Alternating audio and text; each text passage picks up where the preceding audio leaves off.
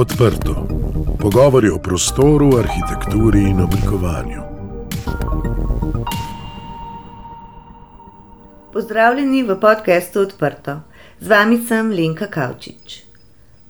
Tokrat se bomo z arhitektom Matejem Gašpiričem pogovarjali o enodružinski hiši. Matej od leta 2007 projektira hiše, ki so med širšo javnostjo najbolj znane po nenavadnih imenih hiša za najlepša leta, hiša za pet in ves svet, hiša za več kot dva, hiša za družino, ki ve, če naštejem najbolj poetična imena. Na arhitekturnem portalu Arch Daily je ena družinska hiša najbolj priljubljena vrsta projekta. Na kljub vse večji urbanizaciji in gostoti megapolisov, domovi postajajo manjši in dražji kot kdajkoli prej. Ena družinska hiša simbolizira marsikaj. To so sanje slehrnika, to je naš zasebni prostor par excellence in morda edini prostor, v katerem smo v resnici to, kar smo. Shodnjaški pregovor pravi, da bi moral vsak človek v svojem življenju zgraditi tri hiše: prvo za sovražnika, drugo za prijatelja in tretjo zase. Izrazita in pripovedna metafora dejansko razkriva kompleksnost, ki jo tako na vides preprosta stavba nosi v sebi. Ena družinska hiša je naloga, ki si jo vsak arhitekt intimno najbolj želi, ker prav tukaj lahko v največji meri izkoristi in preizkusi različne prostorske koncepte, ideje, uporabo različnih materijalov in mojsterskih detajlov. Pri ena družinski hiši ima arhitekt največji nadzor nad projektom in za, lahko zares poizkuša zadovoljiti potrebe bodočih stanovalcev, ker ve, kdo bo v njej živel in kaj bo v njej počel. Matej Gašperič je po diplomi na Ljubljanski fakulteti za arhitekturo zaradi svoje podjetniške narave ustanovil podjetje Hal, ki je bilo specializirano za interaktivne digitalne medije. Uspešno poslovno zgodbo je zavestno zaključil, ko se je udeležil slovitega masterklasa Glena Murkata v Avstraliji. Srečanje z mojstri se je izkazalo za življenjsko prelomnico. Odločen, da se vrne k svojim arhitekturnim koreninam, je prodal podjetje in ustanovil biro Gašperič. Ljubezen do dela z resničnimi ljudmi je usmeril v načrtovanje individualnih družinskih hiš, ki so zgrajene z mislijo na trajnost in ekologijo in z velikim poudarkom na njihove stanovalce. Leta 2014 je bila njegova hiša za najboljša leta nominirana celo za nagrado Miss Van der Rohe. Matej, pozdravljen. V širokem polju načrtovanja in stovanja arhitekture si se ti odločil za projektiranje individualnih hiš. Kaj je potrovalo tej tvoji odločitvi? Zgolj na ključje, morda dejstvo, da so takšne hiše slovencem najbolj ljube. Uh, kot mnogo mojih odločitev, tudi ta ni bila zavestna, vsaj ne povsem. Um, Že v času študija sem veliko delal v AB biroju pri arhitektih Jana Zulajovcu in Gregi Košaku, predvsem na različnih natečajih in pa projektih poslovnih objektov. Kot veš, sem po končanem študiju arhitekture sorazmerno hitro zajadral v povsem drugo panogo, ampak kljub temu sem z arhitekturo vedno na nek način ohranjal stik. Najprej skozi sodelovanje v materinem biroju, kjer so se predvsem ukvarjali s pisarniškimi interjerji, Um, in skozi to delo sem takrat tudi ugotovil, da me samo oblikovanje interjerja, okoliko ne gre za neko celovito zgodbo stavbe in interjerja skupaj, niti ne zanima kaj dosti. Um, sem pa praktično takoj po študiju dobil priložnost oblikovati manjšo apartmajsko hišo, za sorodnike seveda. Uh, namenoma sem uporabil besedo oblikovati, čeprav se tedaj tega niti nisem zavedel. Uh, kot novo pečen arhitekt, namreč niti slučajno nisem imel dovolj znanja in izkušenj, da bi temu, kar sem zarisal, lahko rekli projekt. Uh, pri tem sem imel le srečo, da je moj naročnik Thousand Kinsler in je hišo zgradil dobesedno sam. Mene niti ni spraševal za neke sestave in detajle, skratka za stvari, o katerih sem takrat ni, niti sanjalo. Um, ta, no, ta projekt me je v bistvu izredno zabaval. In kasneje, no, predvsej kasneje, je potem sledili še nekaj hiš, ena za sodelavca, pa ena za znanca, predvsem pa naša domača hiša. Ne, to je bil en tak mejnik, ki me je bolj vrnil v te vode. Kljub temu pa da to še ni bilo moje primarno področje delovanja. Uh, sem pa vseeno imel v žepu kar nekaj hiš leta 2011, ko sem se odpravil v Avstralijo. Um, tako da sem bil tudi sprejet na tej podlagi na ta um, prestižen Glen Market Masterclass. Um, to delavnico v Avstraliji uh, vodi pritskrev nagrajen z Glen Market, po komor se tudi imenuje, ampak tam uh, je prisotnih kar še nekaj um, prominentnih arhitektov. Tam sem spoznal Petra Stachburyja, Richarda Leplastrierja, Brita Anderson, Lindsaya Johnsona, Gerarda Damianija, glavnem kup samih fantastičnih arhitektov in čudovitih ljudi. In vsi ti se je skazali, da se delajo tudi večje projekte, ampak večinoma se ukvarjajo s hišami. Ne? In njihova dela so me res dobesedno očarala. Mm, enako kot me je očaral njihov pristop k delu. Uh, tako da se je na koncu ta izlet v Avstralijo, ki je bil prvotno mišljen le kot intenziven dopust, spremenil v eno od glavnih prelomnih točk mojega življenja. Uh, ko sem se vrnil, sem vedel, da se je staro obdobje zaključilo in da si želim nazaj v arhitekturo, da si želim graditi in to graditi hiše. Ne. Zdaj, danes opažam, da se me je prijel že nekakšen, hm, recimo temu, sloves arhitekta so naravno grajenih nizkoenergijskih družinskih hiš. Poiščejo me ljudje, ki imajo afiniteto do lepega, do zdravega načina življenja, do narave. Njihove parcele so večinoma nekoliko odmaknjene in tudi topografsko bolj zahtevne uh, kot običajno. Predvsem pa so ti ljudje v snovalni proces pripravljeni tudi sami vložiti sorazmerno veliko truda. Ne, in to je, to je nekaj, kar mi zelo ustreza, saj tudi v, v snovanje njihovega doma veliko truda vložim tudi sam. Ne. Um, in zelo hitro sem, ko sem začel to delati, ugotovil, da mi v bistvu to področje tudi izjemno, izredno leži mi pa še uh, uživam se pogovarjati z ljudmi o njih, o njihovih življenjskih nazorih, navadah, hobijih, delu.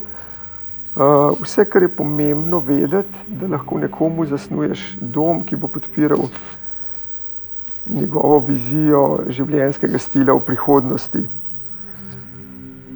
Um, imam res veliko srečo, vsi moji naročniki so čudoviti in naravnost fantastični ljudje. Uh, ni slučaj, da sem skozi proces snovanja njihovih novih domov stkal s praktično z vsemi njimi zelo globoke medosebne odnose. Praktično vsi moji prijatelji danes izhajajo iz vrst naročnikov in zato se tudi trudim sam osebno aktivno gojiti te odnose, zato imam tudi nekaj druženja mojih naročnikov in tako naprej. Um, zdaj, po drugi strani, poleg tega, da mi to sede, ne, v moji naravi, pa nam v biroju ta sorazmerno oska specializacija, se pravi na enodružinske hiše, omogoča, da imamo iz tega področja veliko znanja in izkušenj in smo v tem, kar delamo, um, res dobri. Presenetljiv je podatek, da imamo v Sloveniji kar 320 tisoč stanovanj in 550 tisoč stanovanjskih hiš. Skupaj torej kar 870 tisoč stanovanjskih enot, kar pomeni, da živite v stanovanjski enoti povprečno 2,3 osebe. Kakšen je tvoj pogled na to neverjetno razmerje? Uh, um, moram priznati, da mi te številke niso poznane. V resnici so me kar presenetile, ne, ne bi pričakoval česa tazga. Um, še posebej, ko se zavemo, da je veliko stanovanjskih enot z veččlanskimi družinami. Že sam sem zgradil kar nekaj hiš, za naprimer tudi petčlanske družine. Um, to pa ob tej statistiki posledično pomeni, da očitno obstaja kar nekaj stanovanj in hiš, v katerih živi le po ena oseba ali pa so celo prazne, s česar bi se dal pogled zaključek, da je stanovanjskega fonda v Sloveniji dovolj, da lahko torej kar takoj nehamo graditi. Ampak glede na to, da je trend obraten, pa bi dejal, da je ta stanovanjski fond očitno v veliki meri bodi si na lokacijah, ki za ljudi niso zanimive, um, bodi si nefunkcionalen, uh, energetsko neracionalen ali pa kako drugače slabe kvalitete. Ali pa sploh ni na voljo za bivanje, kot slišimo v velikih mestih, oziroma v sred, mestnih središčih se veliko stanovanj oddaja samo v kratkoročne najeme, kot naprimer Airbnb in podobno. Tako da, predvsem v Ljubljani, je menda že kar težko najti stanovanje za najem, za bivanje, za družino ali pa za študente. Ne? Tako, ne, ne vem, aktiva, sigurno pa mislim, da aktivacija tega stanovanjskega fonda se vsekakor kaže kot poslovna priložnost za celo plejado podjetij, ki se ukvarjajo z gradbenimi in zgradnjo povezanih storitvami, da na zadnje tudi za nas, arhitekte. Tipologija stanovanjskih hiš je zelo pestra in raznolika. Od prosto stoječe hiše na parceli do vrstne hiše, verižne hiše, atrijske hiše, hiše v nizu, dvojčkov. Tvoji projekti so predvsem prosto stoječe enodružinske stavbe. Kdo je to povzročil? Ti, ker si iskal takšne naročnike, oziroma naročniki, ki so imeli takšne želje? Ko sem še hodil na eh, arhitekturo, na faks, sem imel asistenta, ki je neustano projektiral notranje opremo lekarn. In sem ga nekoč pol, uh, vprašal, pa kje, kje jih najdeš, ne, kje, oziroma kje oni tebe najdejo. In to prav lekarne. Ne. Pa se nasmehnil, pa mi je rekel, um, da se ga je pač prijel lekarniški vibe. Naredil je prvo, pa potem še eno njihovo filialo, pa pol naslednjo, in zdaj je nekako znan po tem, da dela interjer lekarn in ga naročniki poiščejo sami. No, in podobno je pri meni. Um, naša domača hiša stoji na hribčku, na robu vasi, na robu narave. In pred leti, ko sem se vrnil v arhitekturne vode, je bila tudi uvrščena v selekcijo in odprta na odprtih hišah Slovenije. Ne? In točno vem, da, prav, da so prav odprte hiše Slovenije zelo, zelo veliko pripomogle k temu, da me danes poiščejo ljudje, ki si želijo hrib, hišo na hribčku, na robu vasi, na robu narave. Ne? Na nek način se te skozi tisto, kar narediš, prime nek vibe in to je kot izložba. Ljudje si lažje predstavljajo, kaj delaš, in potem uh, poiščejo prav tebe. Ne? Zdaj, seveda, s številom hiš se potem pojavljajo tudi druge situacije, lokacije, takšne in drugačne. Ampak, čeprav gre na koncu za hišo v nekem, tudi lahko urejenem, primestnem naselju ali pa v Ljubljani, je nekje v podzavesti teh ljudi še vedno prisoten ta duh, ta želja po nekem takem bivanju, pa če tudi se potem um, realizira v nekoliko bolj metaforični obliki. Um, in glede na to, da tudi naša družina živi tako, se s takšnimi ljudmi tudi najlažje poistovetimo. Z vsemi si vsaj v določeni meri delimo življenjski stil in moralne vrednote. In samo to dejstvo bistveno, bistveno olajša snovalni proces, ga naredi tudi prijetnejšega. Ne. Lažje jih slišim, lažje razumem njihove želje in oni lažje razumejo in sprejemajo moje ideje. Tako da manj časa porabimo za osnove in banalnosti, s čimer ostaja ne več časa in energije, da naredimo res nekaj dobrega, da ustvarimo nek presežek. In prav presežki so tisto, kar naredi delo vredno truda, poprečje in podpoprečje že ne tako preveč na svetu. Izkušnja načrtovanja ene družinske hiše zagotovo temelji na medsebojnem zaupanju in spoštovanju med arhitektom in naročnikom. Verjetno pa vse ne teče vedno gladko. Kakšna je tvoja pot od skice do stavbe? Kje je tista točka, ko se kot arhitekt ustaviš in nehaš projektirati, ter prepustiš hišo lastnikom, da jo oblikujejo oziroma naselijo po svoje? Lenka, tukaj si pa omenila besedo, ki je za me ključna. Spoštovanje. Spoštovanje nam omogoča, da sodelujemo, da konstruktivno premagujemo težave, da se učimo, da napredujemo. In zato sam spoštovanje vidim kot uh, ključ do osebne in profesionalne rasti. Beseda sama je za me tako pomembna, da sem jo ugradil tudi v podpis našega biroja. Arhitektura za spoštljive ljudi. Za takšne ljudi, torej za spoštljive in le za takšne si v resnici želim in sem pripravljen delati. In ta namen imam že v sam proces dogovarjanja s potencijalnimi naročniki vgrajenih kar nekaj varovalk. Um, velika večina za me zve prek predstavitve realiziranih del, bodi si odprtja na odprtih hišah Slovenije ali pa na oddaji ambienti, objavah v revijah, kot recimo Outsiderju ali pa hiše. Uh, in če nekomu ne sedajo moje dosedanja dela, potem je velika verjetnost, da nismo za skupaj. Ne? In po drugi strani, če pa se v teh delih najde, ne, je to že prvi korak, ki kaže na to, da bi morda skupaj lahko ustvarili nekaj lepega.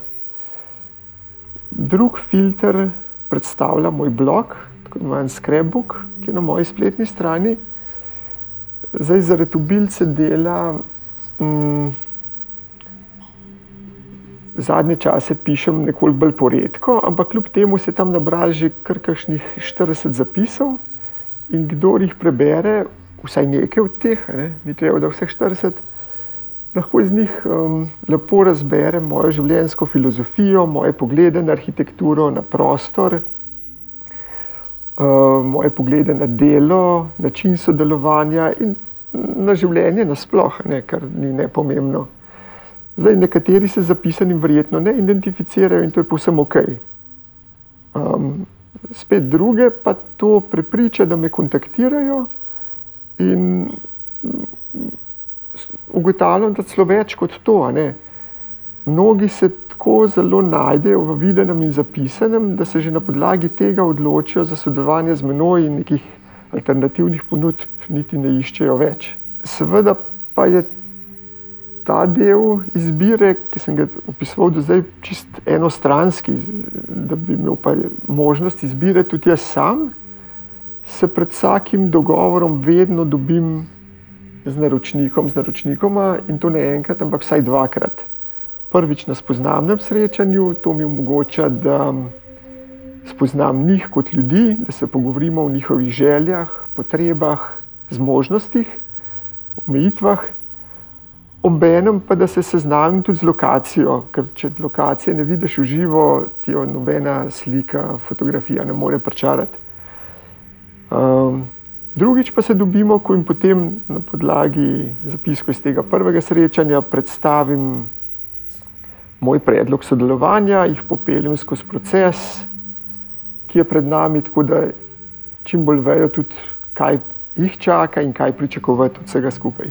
Zdaj, nikdar se ne dogovarjam le za en del projekta, recimo, da bi delal samo projekt za gradbeno dovoljenje ali pa kaj takega. Vedno izključno za celoto. od snovanja pa do useljive hiše. Uh, in tako je z moje strani projekt tudi vedno vrednoten. Škoda se mi namreč zdi, da bi um, v snovanje vlagali čas in energijo, potem pa bi šlo pri gradnji vse po svoje, kar bi sigurno, če človeka ni zraven, tudi šlo. Um, naročnik pa bi bil tem sorazmerno kompleksnem procesu gradnje prepuščen čisto samo sebi.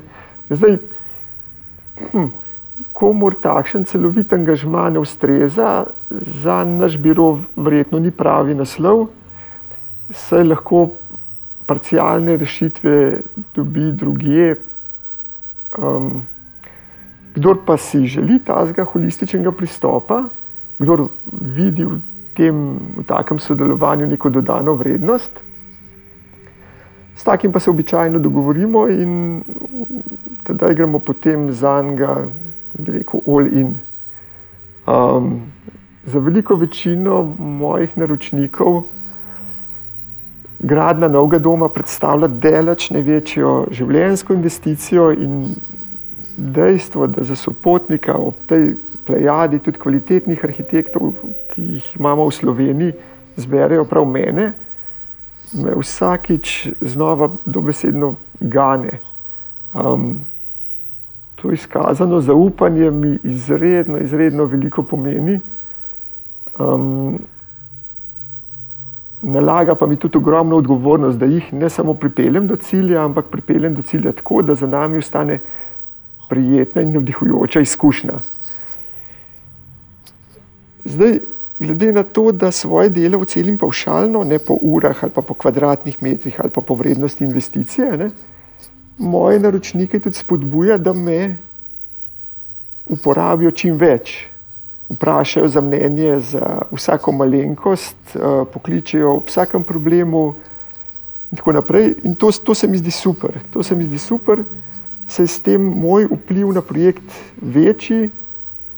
Uh, in skoraj se mi ne more zgoditi, da bi se nekaj uh, zgodilo brez moje mojega vpliva, če že ne rečem kontrole. In to je v bistvu tudi nedvomno želja vsakega arhitekta. Zato se za me proces samo selitvijo praktično ne zaključi. Zelo sem vesel, če me naročniki pokličejo tudi kasneje, že po selitvi. Življenje vedno prinese neke nove potrebe in s tem, ko se name obrnejo še čez leta, ne, ne vem, ko potrebujejo novo vrtno lopo ali pa samo ograjo ali pa kaj takega, jasno pokažejo, kako pomembno jim je, da smo njihov dom zasnovali skupaj in da tudi v prihodnje držimo s, s tem, kar prinaša življenje, neko rdečo nit, tudi pri nekih dodatnih objektih, elementih in tako naprej. Zdaj, jasno pa, da celovit pristop k projektu seveda ne pomeni, da jim bom jaz diktiral vse, ne na zadnje snujemo dom za njih in ne za me. Moja vloga je, da se jih potrudim slišati in razumeti. Na to pa z mojim znanjem in izkušnjami nadgraditi njihove želje tako, da bojo v, doma v tem svojem novem domu lahko dejansko živeli scenarij svojega življenja, kot so si ga zamislili. Se pravi, jaz sem nek bolj kot projektant, nek so kreator, koautor um, njihovega scenarija življenja za naslednjih 10, 20, 30 let. In seveda je to igra dveh. Najboljši rezultati, po mojih izkušnjah, pridejo tedaj, ko imam na drugi strani naročnike, ki za seboj že imajo neke življenjske izkušnje, takšne, ki so razmerno dobro, vedo, kaj si želijo. A po drugi strani da so še vedno odprti za predloge, za ideje, morda tudi kakšne take, na kjer sami niso pomislili, ki mogoče niti niso iz dosedanjih življenjskih vzorcev domači, ali pa se jim zdijo mogoče na prvo žogo povsem zgrešeni. Pomembno je, da do teh predlogov pristopijo odprtega duha, da jih predebatiramo, potem pa nekateri se izkažejo za dobre rešitve, nekateri pa pač niso to, kar bi si želeli in jih opustimo. Ne? Zdaj, samo snovanje načrtovanje, gradnja, vse skupaj je kar zahteven proces. Danes je hiša kar kompleksen stroj in uh, od naročnikov zahteva množico nekih odločitev. In skozi proces, seveda, pride tudi do težav, napak, razhajanj, ampak sodelovanje vseh akterjev na takšnih osnovah, kot sem jih opisal, ne, kot, uh, in z medsebojnim spoštovanjem, se dajo različni pogledi vedno uskladiti in vsi problemi vedno rešiti, napake odpraviti, tako da uh, je končna izkušnja pozitivna. Pri načrtovanju smo arhitekti soočeni včasih za zelo togo zakonodajo, včasih za zelo neživljenskimi predpisi. Koliko vidiš v sedanjih zakonodajnih okvirih še prostora za izrazito avtorsko podpisano arhitekturo? Vem, kaj dobro veš, da je to moja nevralgična točka in o tem bi lahko razpravljal ure in ure, ampak bom poskusil biti kratek. Um, um, iluzija je, da se da s prostorom kvalitetno upravljati in zagotavljati kvalitetne arhitekturne rešitve skozi linije v prostorskih aktih. Zdaj to preprosto ne gre, ne funkcionira. Ampak kljub temu sam največje težave niti ne vidim v zakonodaji, niti ne v prostorskih aktih. Največja težava je interpretacija leteh. Uh, interpretacija ki je pogosto naložena ljudem, ki nimajo ustrezne izobrazbe in je zato tudi nestrokovna, uskogleda, neživljenska. In takšnih primerov bi iz prakse lahko naštel neskončno. Ne? Zdaj, in ker sam ne želim pri svojih projektih pristati na neke suboptimalne rešitve, ki bi jih bile diktirane strani birokracije, je prav takšna interpretacija tista, ki mi največkrat jemlje ogromno časa in energije. Zdaj, bil bi pa krivičen, če ne bi tukaj poudaril, da se situacija tudi izredno razlikuje od občine do občine, od upravne enote do upravne enote. Včasih ne moreš verjeti, um, kakšno razliko lahko ob istih zakonih naredijo ljudje sami. Ob tem, ko ti eni dobesedno mečejo polena pod noge, prav iščejo, kje bi lahko določila interpretirali tako, da jim tvoj projekt ne zadosti in so pripravljeni storiti vse, da bi te pokorili in potunkali nazaj v neko sivo popreče, spet druge narediš na ljudi, ki so pa njihov prav nasprotja, ne? ki so pripravljeni seveda v okviru nekih zakonov in določil, uh, iskreno pomagati, da spraviš projekt skozi ta birokratski labirint, kar najbolj nedotaknen in v najkrajšem možnem času. In prav takih slednjih bi si po teh uradih želel bistveno, bistveno več. Mislim, da bi bilo to res uh, dobro, tako za prostor, kot za naročnike in za projektante. Ne? V času pandemije se je naš odnos do stanovanja in hiš spremenil. Zanima me, Kako ti vidiš prihodnost enodružinske hiše in kakšna bo po tvojem? Svet se v bistvu spremenja vsak dan. Že za časa mojega življenja, nikoli si nisem mislil, da bom kdaj izrekel kaj tasga, ampak se sam sebi zdi kot kakšen starček. Ampak že za časa mojega življenja se je toliko veliko stvari spremenilo, da nas vsakodnevna realnost mnogo čem presega znanstveno fantastiko, ki sem jo občudujoče gledal kot otrok. Ne. In dejansko se svet spremenja iz dneva v dan vedno hitreje. To, da sprememb ne bo, je pač naivna iluzija. In ta le trenutna panika je le samo še eden izmed vzrokov uh, za spremembe. Zdaj, bivanje v urbanem okolju, v mestu, v stanovanju, ima nedvomno svoje pluse. Ne? Vsa vrhunska ponudba, od kulinarike do predstav, razstav, knjižnic, trgovin, vse nam je na voljo, vse je na dosegu roke, vse je dostopno s kolesom, avtomobile sploh ne potrebuješ več. Ampak kako drastično drugačno sliko kvalitete bivanja kaže takšno domovanje v času, ko je vse zaprto, ko so ljudje po noči zaprti med štiri stene. Po drugi strani pa vse te omejitve, ki smo jim priča danes na življenje v hišah, v zaselkih, na vseh pa sploh niso kaj dosti vplivali. Ne? Kvaliteta bivanja v hiši, odmaknjena od urbanih središč, v tem času primerjalno gledano odskočila do neba. Pred tednom sem bil v Pomorju, kjer sta mi dva naročnika povedala, da sta že dve leti prodajala parcelo, ampak kljub nizki ceni, da ni bilo nobenega interesa za njo, nobenega interesenta, nobenega kupca, niti enega v dveh letih. Ko pa se je marca začela vsa ta drama, jih je bilo nenadoma polno, ki so bili pripravljeni plačati dvojno ceno. No, na koncu sta se odločila, da jo pa kljub vsemu ne bi prodala, ampak da si boste tam raje postavila nov dom sama. Ne. Uh, to tudi nekaj pove vsem skupaj.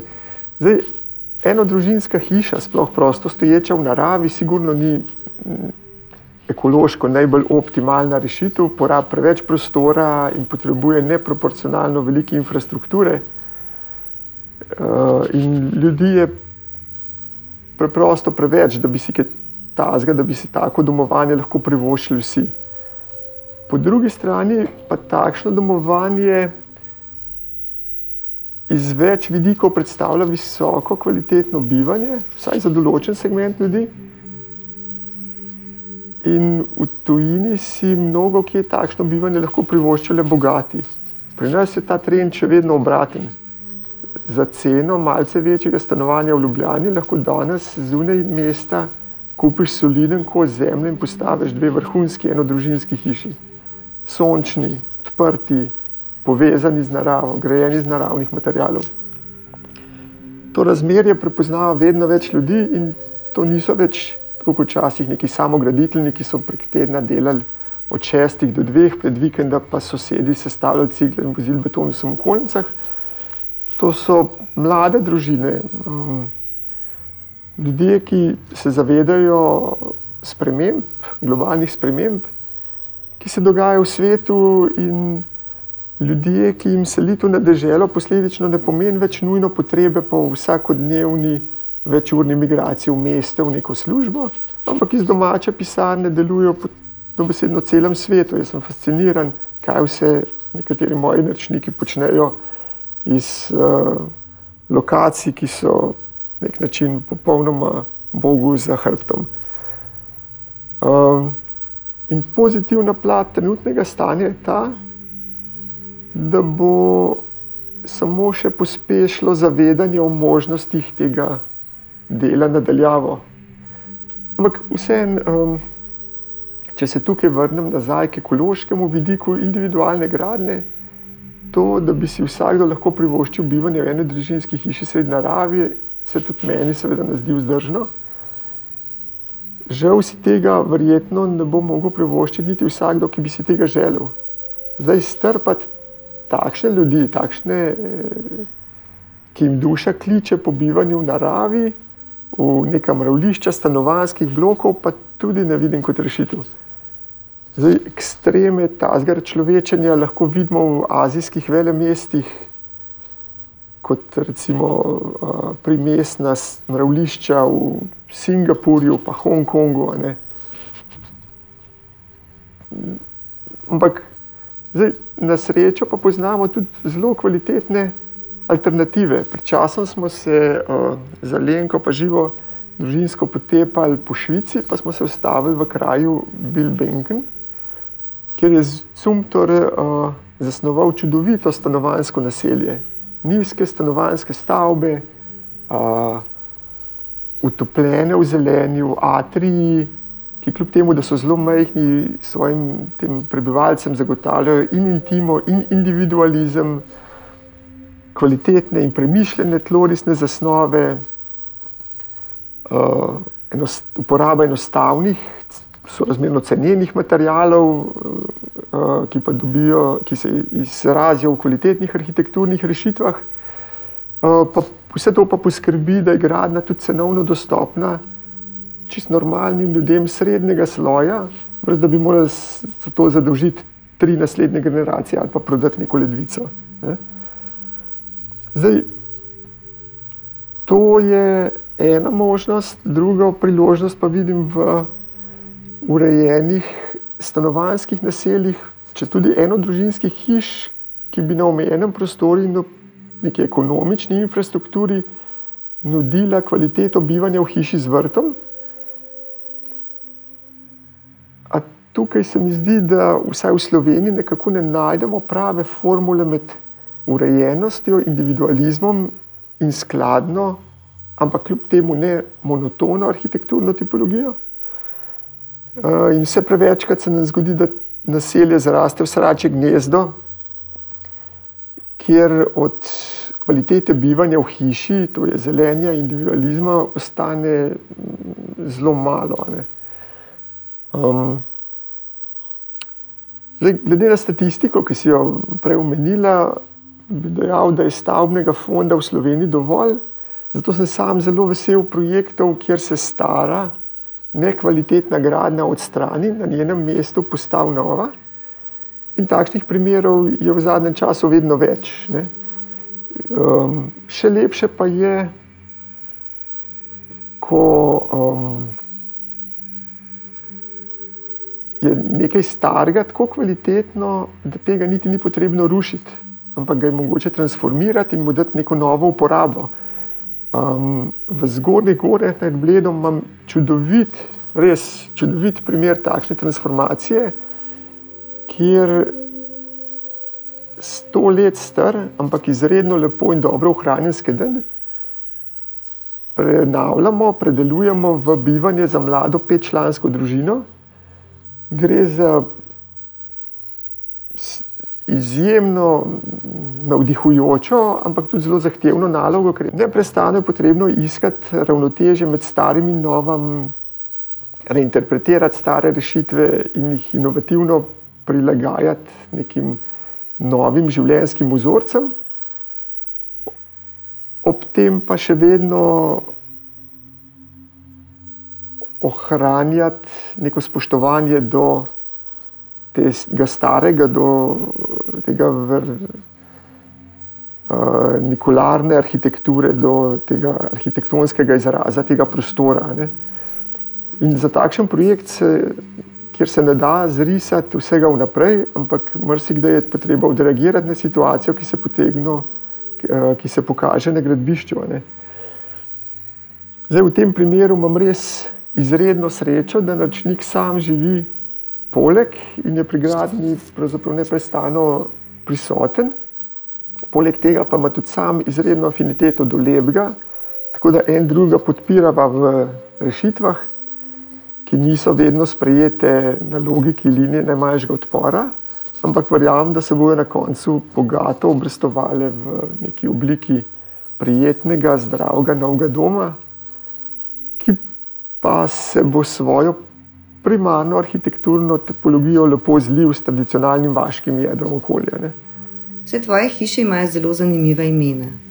Nam za konec lahko zaupaš, kako se bo imenovala naslednja? ja, imena. Zdaj, ko, ko sem prekinil s starim življenjem in uh, stopil na samostojno arhitekturno pot, sem se moral v določenem trenutku odločiti tudi za imenovanje. Um, Zdaj, kako poimenovati hišo, da ime ni suhoparno, brez pomena, je pomljivo, unikatno. Mnogi arhitekti hiše poimenujejo s črkami, zdaj spet drugi s krajem, kjer stoji, pogosto tudi uh, s prijimkom naročnika um, ali pa po neki značilnosti same uh, konstrukcije oziroma arhitekturnega izraza razni, razni načini uh, so prisotni. Zdaj, z mojim svetovalcem in copywriterjem Igorjem Medžugorcem, ki mi je tudi sicer veliko pomagal, da sem na svojo arhitekturno pot zastavil s pravimi potezami, uh, sva se o tem zelo veliko pogovarjala in na koncu me je prepričal, da sem se odločil za daljša, a vsebinsko bogatejša poimenovanja Vse hiše so namreč na nek način zasnovane za ljudi, ki bodo v njih živeli, in zato se mi je zdelo na mestu, da del njih, njihovega življenjskega sloga ali izhodišča ali neka značilnost, ki je zaznamovala proces snovanja, najde mesto tudi v imenu hiše. Tako da danes hiša uh, ob odprtju projekta najprej dobi neko začasno delovno ime, ki je pač na projektih in za upravno enoto, končno ime pa dobi, ko je za nami že vsaj dobršen del procesa in ko tako dovolj dobro poznam naročnika, se ime v nekem trenutku izkristalizira pravzaprav uh, čisto samo od sebe. Ne. Naročniki se tako tudi skozi ime identificirajo s hišo, so nam ponosni.